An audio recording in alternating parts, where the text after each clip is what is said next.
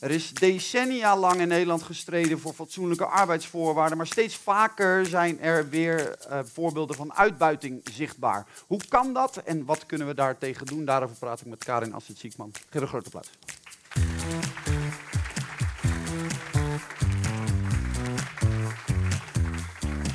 Ik zeg dat even, uh, uitbuiting, uh, mensenhandel, slavernij, heftige termen komen we zo meteen over te spreken, maar daar gaan we het wel over hebben. Uh, je bent econoom, gespecialiseerd in gender, in arbeid, achtergrond in de landbouweconomie. Um, wij gaan het hebben over uitbuiting, de rol van supermarkten, ook mogelijk daarin. Um, het beeld is toch bij Nederland dat we lang gestreden hebben voor fatsoenlijke arbeidsvoorwaarden en dat we het er eigenlijk wel goed mee hebben. Klopt dat niet? Nee, volgens mij niet. Uh, ik heb het idee dat juist heel veel wetten bestaan die flexibilisering en onzekere arbeidsomstandigheden legaal maken. Uh, dus je hebt te maken met, met iets wat ik dan soms uh, gereguleerde wantoestanden noem. Dat heel veel vormen van ja, onzeker werk, of dat nou in de landbouw, huishoudelijk werk, sekswerk, is, uh, dat is gewoon hartstikke nu, legaal. U, noemt nu, je noemt nu, dat hebben we afgesproken, je noemt drie treinen waar je, waar je onderzoek naar doet. Hè? Uh, sekswerkers, schoonmakers. Maar laten we het even richten op die landbouw en die tuinbouw dan specifiek. Mm -hmm. wat, wat, ga, wat, gaat daar, uh, wat gaat daar mis? Leg dat eens uit. Um, de meerderheid mensen die, die werken in de tuinbouw in Nederland zijn migranten, arbeidsmigranten de afgelopen twintig jaar vooral uit uh, Centraal- en Oost-Europese landen, Polen, Bulgarije, Roemenië. Uh, zijn EU-burgers, net als wij. Uh, en eigenlijk zou dat betekenen dat het geen tweederangsburgers zijn, maar in feite is dat wel vaak het geval. Uh,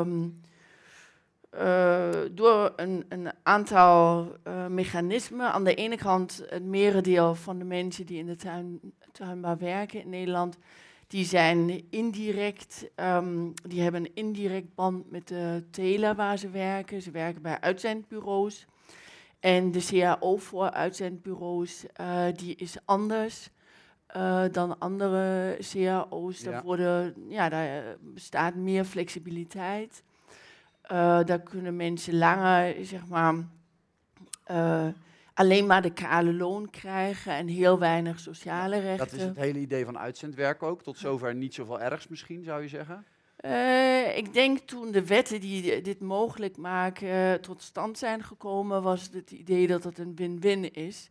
Dat werkgevers, zeg maar, flexibel mensen in dienst kunnen hebben. Um, en dat, dat het ook voor werk werknemers, vooral dan voor migranten, flexibiliteit, maar ook sociale zekerheid betekent. Maar dat laatste, dat, uh, dat is er heel vaak niet, omdat, nou ja, ik heb met mensen te maken gehad die, die werken al sinds 15 jaar in Nederland, maar mhm. zitten nog steeds in de eerste fase. Ja, want het idee, dat heet een gefaseerde CAO. En het idee is dat je op termijn uit die tijdelijkheid moet komen. Ja. En wel die, vaste, die vastigheid moet krijgen, de arbeidsvoorwaarden die daarbij horen. Ja. Kennelijk zijn er allerlei trucs uitgevonden om dat te omzeilen. Kun je ze een paar noemen? Ja, uh, twee die, die ik soms ben tegengekomen is, uh, nou ja, het meest gewone is dat mensen na 26, uh, 26 weken uh, gewoon ontslagen worden en nou ja, teruggaan naar hun eigen land of, of hier iets anders doen. En dan weer terugkomen en weer in dienst mogen komen bij hetzelfde uitzendbureau. Maar dan weer in die eerste fase. Ja. Dus ze hebben geen sociale rechten opgebouwd. En iets anders is dat ze zeg maar, bij dezelfde teler blijven uh, werken, maar voor een ander uitzendbureau. Dus dan kunnen ze op die manier weer in de eerste fase komen of, of blijven. Ja. Dus dat zijn van die. Ander, ander probleem wat hiermee samenhangt is, dat, dat heet bed en brood. Kun je dat uitleggen wat daar, wat daar misgaat en wat het gevolg daarvan is? Um, ja, heel veel arbeidsmigranten die hier werken, niet alleen maar in de tuinbouw, maar ook vooral. Voor hen heeft het uitzendbureau een dubbele of drievoudige rol. Aan de ene kant is het uitzendbureau de werkgever, aan de andere kant uh, is het ook de, uh, de huisbaas. ze zorgen voor huisvestiging en aan de ene kant is dat fijn. Ja, mensen uit het buitenland die kennen de Nederlandse woningsmarkt niet Ja. en, en zijn op zoek naar iets. Maar eh, het betekent wel een grote afhankelijkheid. ehm, samen met wat ik net zei over die cao's. Ehm, je kunt heel snel ontslagen worden, maar dan verlies je ook tegelijkertijd je, je woning Ja. als je werkgever ook je Je huis hebt, je hebt, je hebt de mensen eh, waar het nu over gaat, heb je gesproken ook. Hebben. Is dit ook wat ze zeggen, wat ze aangeven dat zij dat een probleem vinden? Of vind jij dat alleen maar een probleem? Eh, ja, dat vinden ze ook een probleem. Ja, Ja. ze zijn daar gewoon boos over. Eh, nou ja, en ik, ik spreek niet voor iedereen, maar ik spreek wel van, eh, van mensen met wie ik interviews heb gedaan. Ja. Ja. Ja, gewoon het idee, je komt hier en je wilt niet alleen maar een, nou ja, een beter leven voor jezelf en je familie, maar je ziet ook dat je een belangrijke bijdrage levert aan de Nederlandse maatschappij en economie. Eh, nou, tenslotte is de Nederlandse landbouw zeg maar de een der grootste of misschien nu de derde eh, zeg maar, exporteur in de, in de wereld. Eh, dus je, je hebt eigenlijk een hele centrale rol in de maatschappij en de economie, maar dat wordt niet Nee. gewaardeerd. Nee, sterker nog, er is een hele sector, hoe jij dat omschrijft, opgetuigd om die mensen zo eh, effectief mogelijk uit te knijpen. Ehm, toch?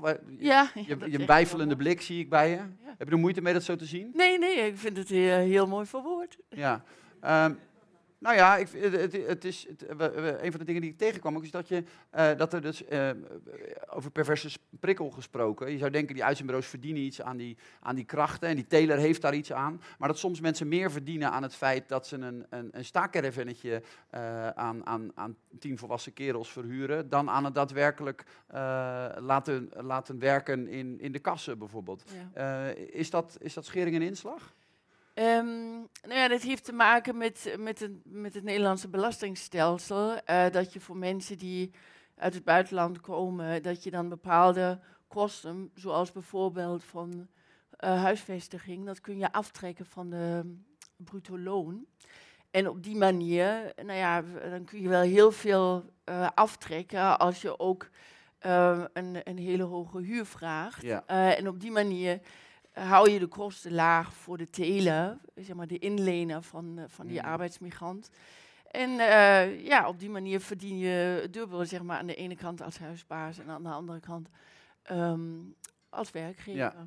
Maar dit, het klopt van geen kanten, dat hebben we allemaal gelijk door. Hoe hebben we dit toch kunnen laten gebeuren? Hoe is dit ontstaan? Eh, nou ja, wat ik net zei, ehm, het heeft natuurlijk te maken met, met een maatschappelijke beweging van de afgelopen 30, 40 jaar. Dat een, een, een soort geloof eigenlijk, dat, dat de markt het allemaal heel goed kan regelen. Dus dat de arbeidsmarkten minder gereguleerd moeten worden of meer geflexibiliseerd moeten worden. En eh, dat was een van de redenen dat 25 jaar geleden een, een flexibiliseringswet ehm, is ingevoerd in de Nederlandse arbeidsmarkt. En op basis daarvan kunnen cao's afwijken van bepaalde Ja. wettelijke regels. Nou ja, dat is dan eh, één, één, één wettelijke basis. Voor Iets wat ook al wat, lang, wat, al wat cao's. langer, ik weet niet of dat 25 jaar is, maar de, supermarkt, de prijzenoorlog in de supermarkt. Hè, laten we het daar even over hebben. Dat is iets waar wij dagelijks mee te maken hebben als consumenten. Even ervan uitgaande dat wij allemaal hier in de zaal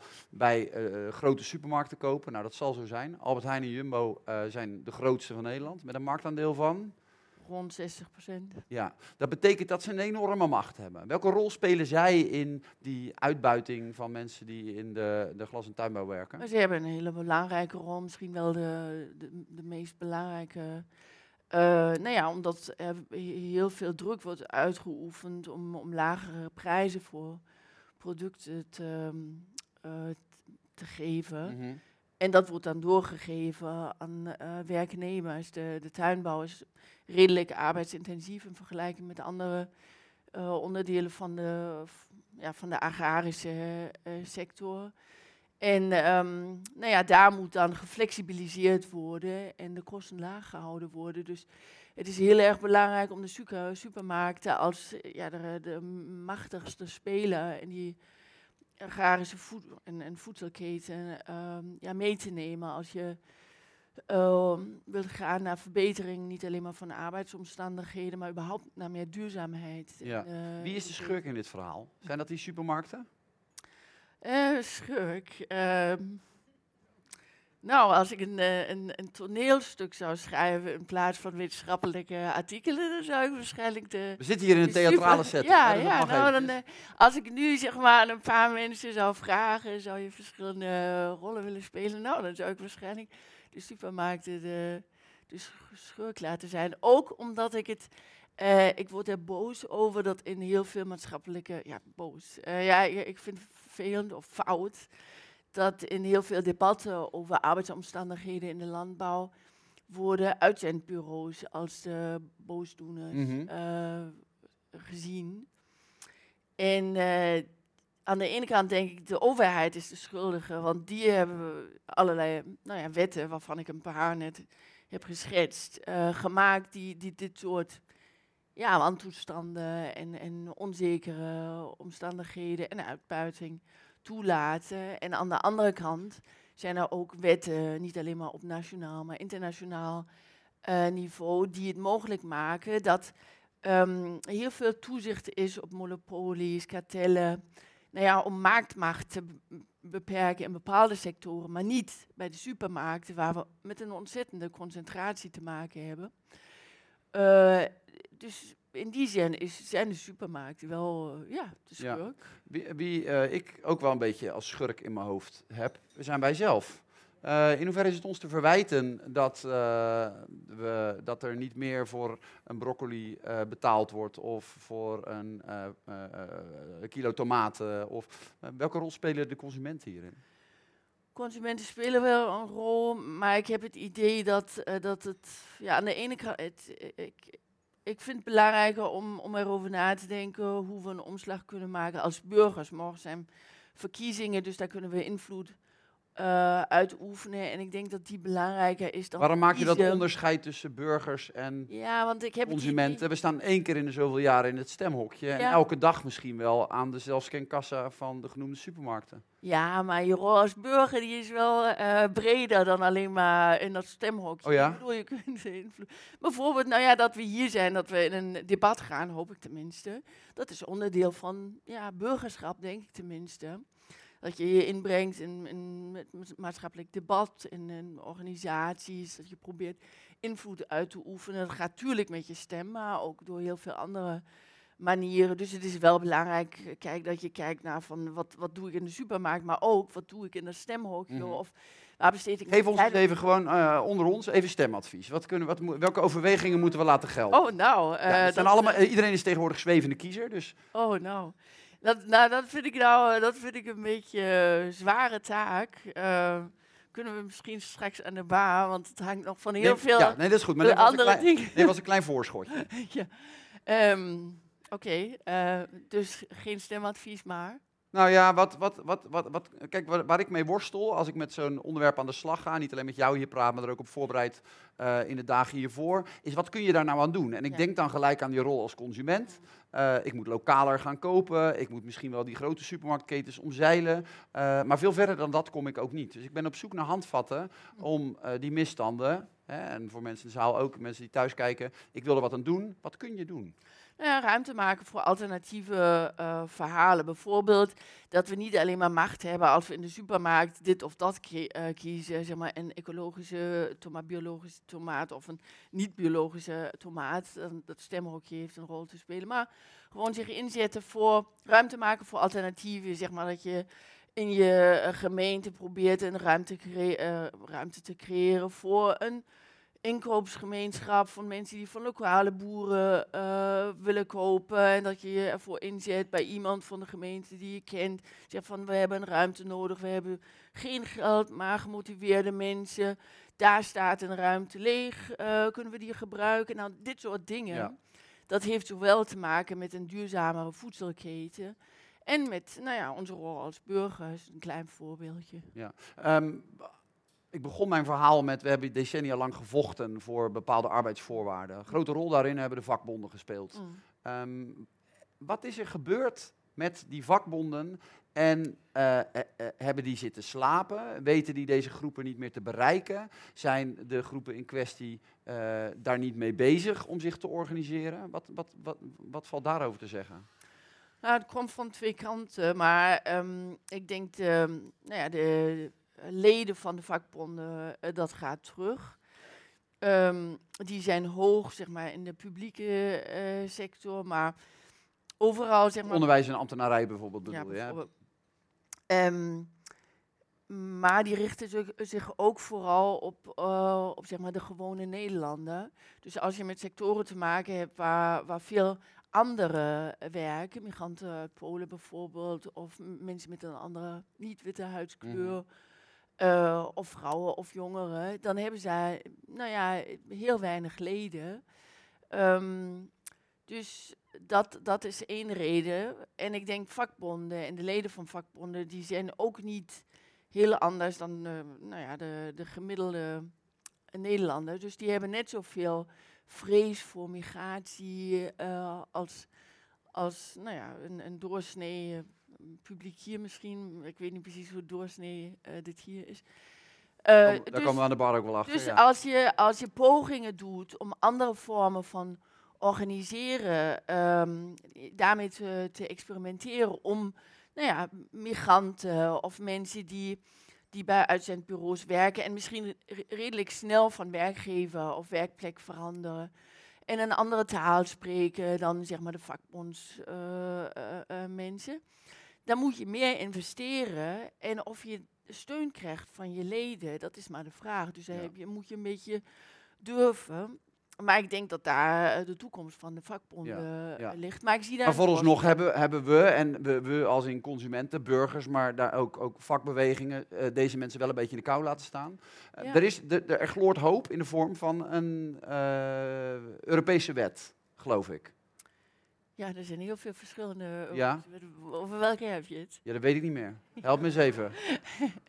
Europese wet van eh, zeg maar die, die zeg maar accountability in de, in de waardeketen. Of gloort helemaal geen hoop, begrijp ik, als jij al niet weet waar de hoop vandaan moet komen. nou, eh, er zijn Europa heel veel boeiende de wetten. Maar ik, Kan, Euro- kan Europa wat betekenen hierin? Is, Eh, ja, nou. en is eh, er wat te verwachten op dat front? Nou, op dit moment eh, is Europa ook een schurk. In de zin van er zijn heel veel ehm, eh, richt- eh, Europese richtlijnen die die onzekerheid van eh, eh, arbeidsmigranten juist mogelijk maken. Zoals de Posting Directive, nou hoe heet dat? En het uh, detacheringsrichtlijn.